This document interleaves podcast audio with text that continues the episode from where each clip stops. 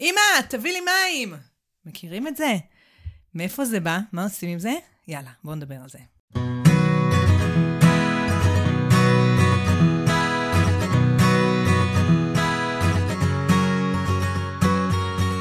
היי, כאן רותי דריאל, מחזרה ללב ההורות, ואני רוצה אה, לדבר היום בפרק הזה על הקטע הזה שרואים אותו המון אצל ילדים, אה, שמצווים או מפעילים או דורשים, כמו, אה, היה לי רק בשבוע שעבר איזה שלוש שיחות הדרכת הורים, ככה, עם הורים שפנו אליי, שהעלו שאלה ממש דומה. אמא אחת סיפרה שממש הילד, הילד שלה מצווה עליה לפעמים, אמא, מים! ולפעמים זה לא נשאר שם, תביא לי מים, אלא זה גם יכול להיות לא בכוס הזאת, אלא רק בכוס הכחולה, ואל תמלא לי מים מהכיור של, של האמבטיה, אני רוצה מים רק מהכיור של המטבח, ולא אבא שימלא את זה, רק אימא, וכל מיני דרישות כאלה וציוויים. וזה משהו שהוא מאוד מאוד נפוץ, ורציתי לדבר עליו קצת. קודם כל, מאיפה זה מגיע, ואיך להתמודד עם זה, כי הרבה פעמים, כשילדים מתחילים לצוות, אז הרבה הורים מרגישים שיש, גם אני לפעמים מרגישה את זה, כן? אני פשוט מתעסקת עם זה כבר אה, הרבה זמן, ומלווה הורים כבר הרבה שנים, אז אה, דרך העיניים של הגישה ההיקשרותית, התפתחותית, אז ככה, יש לי מחשבות על העניין הזה. אבל בעצם המון פעמים כאילו מרגישים לכודים בתוך אחת משתי אפשרויות. בוא נגיד שהילדה שלי אה, צועקת עליי אה, מים. אז עכשיו יש לי בעצם שתי אפשרויות. אחת, להגיד את הכאילו במרכאות הדבר החינוכי, אה, לא, עד שאת לא מביאה, עד שאת לא מבקשת יפה, אני לא נותנת לך מים, אה, שזה הרבה פעמים נראית להורים דרך כאילו חינוכית, אבל הרבה פעמים היא עושה איזה קווץ' בלב. זאת אומרת, הרבה פעמים ההורים לא מרגישים עם זה נוח, ומסיבה טובה. אה, והדרך השנייה, זה כאילו, אוקיי, ללכת ולהביא את המים, הנה זה להרגיש כמו מין עבד נרצע כזה, שהולך רק להביא מים שהאדון המרושע לא, לא יכעס. וגם זה לא מרגיש טוב ונוח, כאילו אנחנו לא נהנים להרגיש מין שפחות ועבדים של הילדים, זה גם משהו שככה פוגע בתחושה הזאת של הובלה. ואני בעצם רוצה להציע דרך אחרת, דרך שלישית להתמודד עם זה. אבל לפני שאני אה, אציע את הדרך, אני רוצה רגע אה, להציג, יש, אתם יודעים, הדבר הזה יכול לנבוע מהמון מקומות, אבל יש, אני מוצאת ככה מהניסיון שלי עם הרבה הרבה הורים, שיש בעצם אה, שתי סיבות עיקריות שרואים את, ה, את הדבר הזה. ואני רוצה לדבר רגע על שתיהן. אז הסיבה אחת, אה, שהיא מאוד נפוצה, זה כשילדים בעצם מגיעים לגיל שהוא ככה... הרבה פעמים זה קורה בין גיל 3 ל-4, אבל לפעמים זה יכול, יכול לקרות גם בגיל יותר מאוחר, גם קצת יותר מוקדם, שבעצם הם מרגישים את החיבור אלינו דרך אה, מה שנקרא שורש משמעות. והגישה שאני עובדת איתה, הגישה ההיקשרותית התפתחותית, בעצם אנחנו מדברים על זה שהיקשרות היא משהו שמתפתח בהדרגה. בעצם כל שנה פחות או יותר בשנים הראשונות נוספת דרך אה, יותר עמוקה ויותר משוכללת לחיבור, וזה בעצם מלווה אותנו כל החיים, זה לא שזה כאילו רק בשש שנים הראשונות, זה יכול גם לפעמים לא להתפתח בשנים האלה, אבל זה יתפתח יותר מאוחר, או לא יתפתח, אבל הרעיון הוא שלפי הצורת התבוננות הזאת, אנחנו רואים איפה האנרגיה של הילד מושקעת מבחינה רגשית בצורך להרגיש את החיבור איתנו. אולי אני אקדיש לזה פרק אחר, לפרט קצת על שורשי ההיקשרות. אבל אני אגיד פה במילה שנגיד תינוק בשנה הראשונה בחיים, הוא מרגיש, כשאנחנו מרימים אותו, אה, או כשהוא רואה אותנו, שומע אותנו, כל החושים שלו בעצם בפעולה, ככה הוא מרגיש את החיבור אלינו, וגם אנחנו מרגישים את החיבור אליו. אוקיי? אבל בואו נגיד ילד אה, בן שמונה, ברור שזה נחמד, הצורך הזה אף פעם לא נעלם, אבל יש לו כבר דרכים יותר משוכללות ועמוקות, הוא כבר יכול לא כל רגע להרגיש את ה... קרבה בחושים ועדיין להרגיש מחובר אלינו, גם אנחנו כאנשים מבוגרים, השאיפה שנוכל לשמר על קשרים קרובים, לא רק דרך אה, החושים שלנו, לא רק עם מי שאנחנו רואים או שומעים או מדברים, אתם יודעים, יש את המשפט הזה רחוק מהעין, רחוק מהלב. בדרך כלל כשקשר הוא לא עמוק, אז זה מה שקורה, אנחנו שואפים לקשרים שיהיו מספיק עמוקים, שהם יוכלו לעמוד גם, גם בזה שהחיבור לא רק בחושים. בכל אופן, אז יש כל מיני דרכים להרגיש חיבור, ויש גיל כזה, בדרך כלל בשנה הרביעית לחיים, בין גיל שלוש לארבע, אבל שוב, זה, יש ילדים שזה קצת לפני, ויש ילדים שגם עברו כבר את הגיל הזה, אבל הם כאילו קצת תקועים בדרך הזאת, שבעצם רוצים להרגיש את החיבור דרך להיות משמעותיים.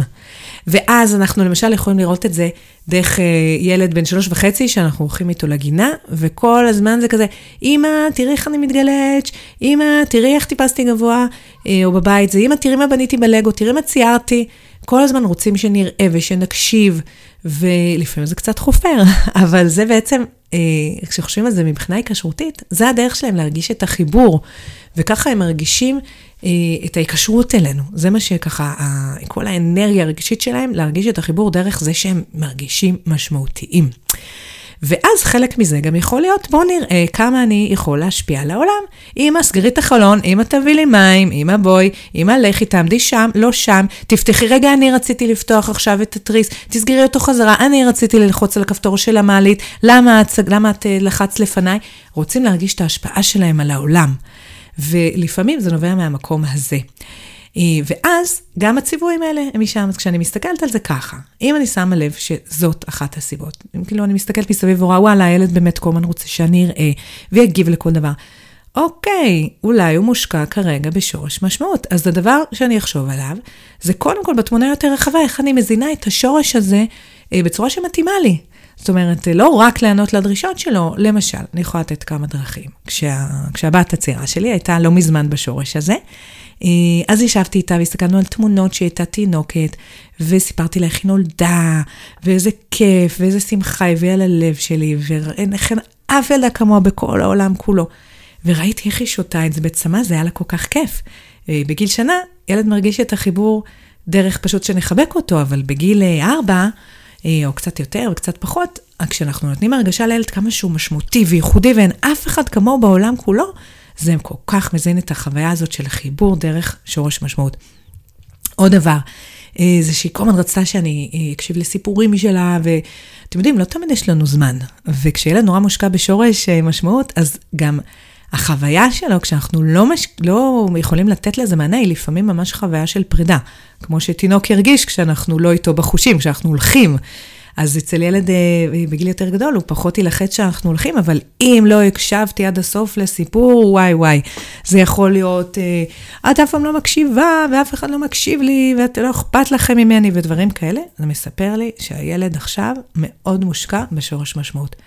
אז תראו, אני לא תמיד יכולה להקשיב ב-100%, אבל אני כן יכולה לתת הזנה ממש ככה טובה לשורש הזה, דרך זה שאני יזוז קודם, ייקח יוזמה. זאת אומרת, לא רק יענה ותמיד תמיד יקשיב בסבלנות, מה שגם לא כל כך ריאלי, לפחות לא בבית שלי, עם שלושה ילדים, לא תמיד אני יכולה להקשיב להכל, אבל אני כן יכולה למצוא איזה זמן שאני פנויה, ואז נגיד באתי לילדה שלי ואמרתי לה, עכשיו בואי, אני רוצה שנעשה מחברת מיוחדת לכל הסיפורים שלך, ואני יושבת ורושמת, אוקיי? כשיש לי זמן, אז, אז כשאני גם לוקחת את היוזמה, את ההובלה בעניין הזה, זה גם נותן הרבה יותר הזנה. אתם יודעים, כשאני זזה קודם, זה קצת כמו, נגיד בזוגיות, תחשבו, אם אה, אני שואלת את הבן זוג שלי, אתה אוהב אותי? והוא אומר לי, כן. זה הרבה פחות מזין מאשר נגיד אם הוא יבוא ויגיד לי את זה בעצמו. אה, אז משהו בלזוז קודם הוא הרבה יותר נותן ככה האזנה טובה. אז אחד הדרכים להזין את השורש הזה זה כשאני זזה קודם, אני נותנת הזנה לשורש משמעות, אני מציעה לרשום סיפורים, אני מציעה להקליט אותה, או שנעשה ציור ביחד, כל מיני דברים כאלה שמזינים את החוויה הזאת שהיא נורא משמעותית לי. והרבה פעמים ככה זה יכול להפחית את הפקודות האלה, אה, כי בעצם היא מקבלת מענה לצורך הזה בלהרגיש משמעותית בצורה אחרת. אה, אוקיי? תכף אני אתייחס למה אני עושה ברגע האמת, אבל אני רגע נתתי תמונה רחבה. אז סיבה אחת, כמו שאני אומרת, שנראה הרבה פעמים את הציוויים האלה, זה מצורך להרגיש משמעותי. ודיברנו על איך אנחנו קצת יכולים לתת לזה מענה עם, ממקום פחות תגובתי, אלא ממש לקחת שם יוזמה ולתת את זה כשזה מתאים לנו. סיבה נוספת שילדים יכולים להפעיל אותנו, זה, אה, יש כמובן עוד הרבה סיבות, כן, אבל אני מתייחסת לעיקריות שאני פוגשת הרבה בקליניקה. אז סיבה נוספת זה כשילד קצת נכנס למה שנקרא עמדת אלפא. זאת אומרת, אה, שהוא רוצה להפעיל אותנו, להגיד כל הזמן את המילה האחרונה, להגיד מה עושים עכשיו, וזה לפעמים יכול להיות נורא נורא אה, מעצבן. אה, וככה מרגיש שהילד כאילו מין איזה bossy ודורשני כזה. יכול להיות שאני אבוא לשבת על ידו בערב, להקריא לו סיפור, ואז הוא יתחיל לנהל אותי. לא, לא, אל תשבי פה, תשבי שם. אל תקריא את הסיפור הזה, תקריא את הסיפור הזה. עכשיו, זה גוון קצת אחר מהעניין הזה של להרגיש משמעותי, כי פה, כש, כשזה בעצם ילד נתקע באלפא, צריך לזכור שההיתקעות הזאת בעמדת אלפא היא סוג של מגננה. אז הרבה פעמים אני אראה אה, שהוא גם פחות נותן לעצמו להישען עליי. זאת אומרת, הרבה פעמים הוא פחות יבכה בכי של, לא מדברת על בכי של עצבים או תסכול, אלא בכי של כאילו כאב או עצב או אכזבה. פחות יהיה לו את המקום הרך שהוא בוכה ונותן לנחם אותו, או בכלל פוגש את הרגשות הפגיעים שלו.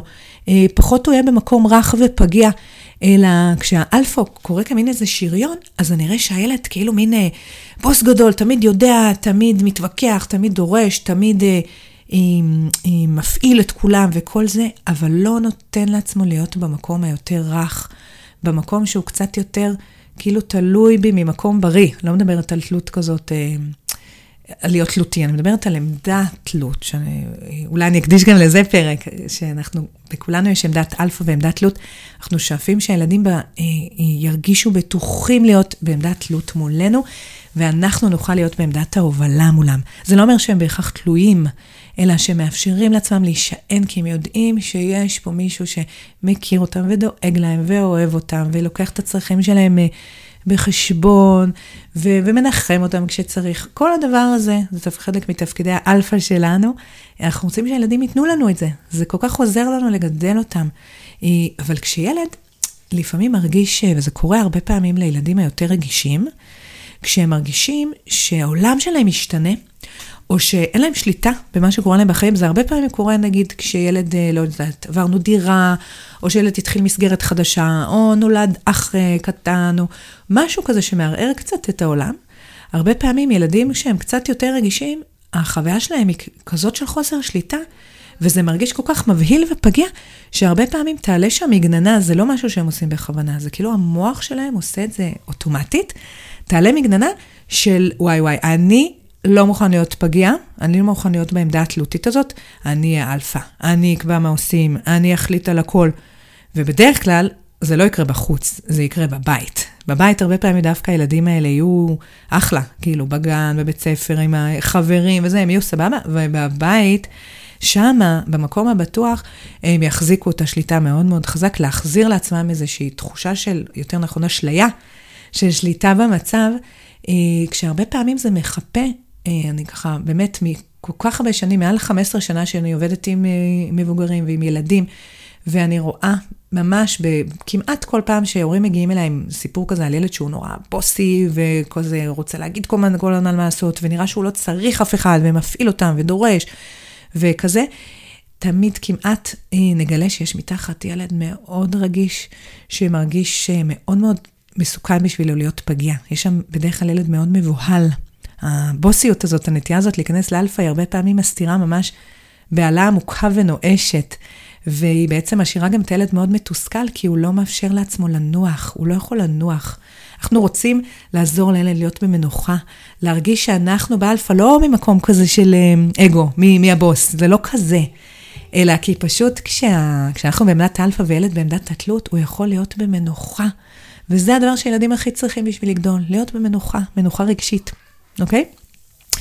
אז לפעמים אנחנו נראה את הדורשנות הזאת. אם אני מסתכלת סביבי, ומה שאני רואה זה לא ילד שכאילו אה, אומר, אמא תראי את הציור וזה וזה, וכאילו נורא רוצה להרגיש משמעותי ונורא נהנה מזה, אלא ילד שהוא כאילו, הוא נראה לי כזה קצת עם שריון.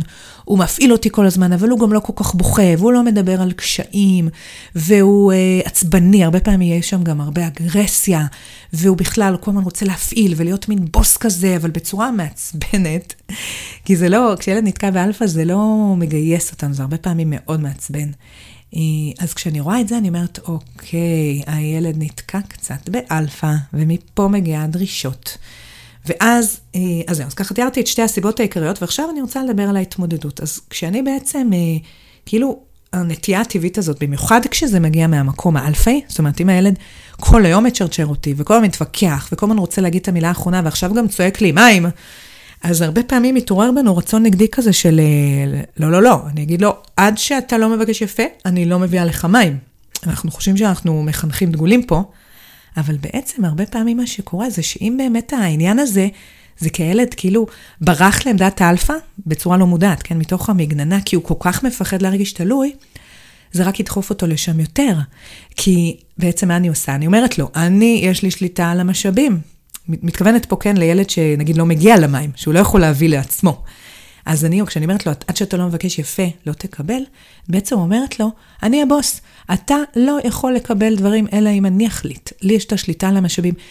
וזה רק גורם לו להרגיש כמה זה פגיע ובלתי נסבל להיות תלוי. זה גורם לו להרגיש עוד יותר אה, רתיעה מעמדת התלות הזאת, שזה לא בטוח להיות תלוי, שיכולים לקחת לך משהו. אתם מכירים את זה? זה כמו, אה, לא יודעת, אה, איזה בוס בעבודה שיגיד לכם, אה, אה, אם אתם לא עושים את הדוח הזה והזה עד מחר, יורד לכם 500 שקל מהמשכורת. יכול להיות שתעשו את זה בשביל לא להפסיד את הדבר הזה, אבל זה יעורר בכם כל כך הרבה מרמור. ובואו נגיד שאם לא תתפטרו ותישארו בעבודה הזאת, אה, אם הוא סתם מבקש מכם שיתוף פעולה, הבוס הזה, אז לא סביר, אם זה אין שם איזה משהו, תועלת או איום, זה לא, לא בוא נגיד מהרצון הטוב שלכם כבר לא כל כך תרצו לעשות בשבילו, אוקיי? זה לא מרגיש נוח ללכת אחרי הבן אדם הזה.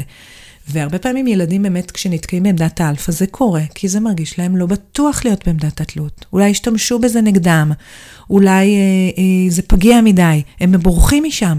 וכשאני בעצם משתמשת במה שיש לי כוח עליו, כמו להביא לו את המים נגדו, זה רק ידחוף אותו יותר. אולי הוא יבקש יפה עכשיו כי, כי, כי הוא צמא, אבל הוא, בגדול, הוא רק יהיה יותר אלפא.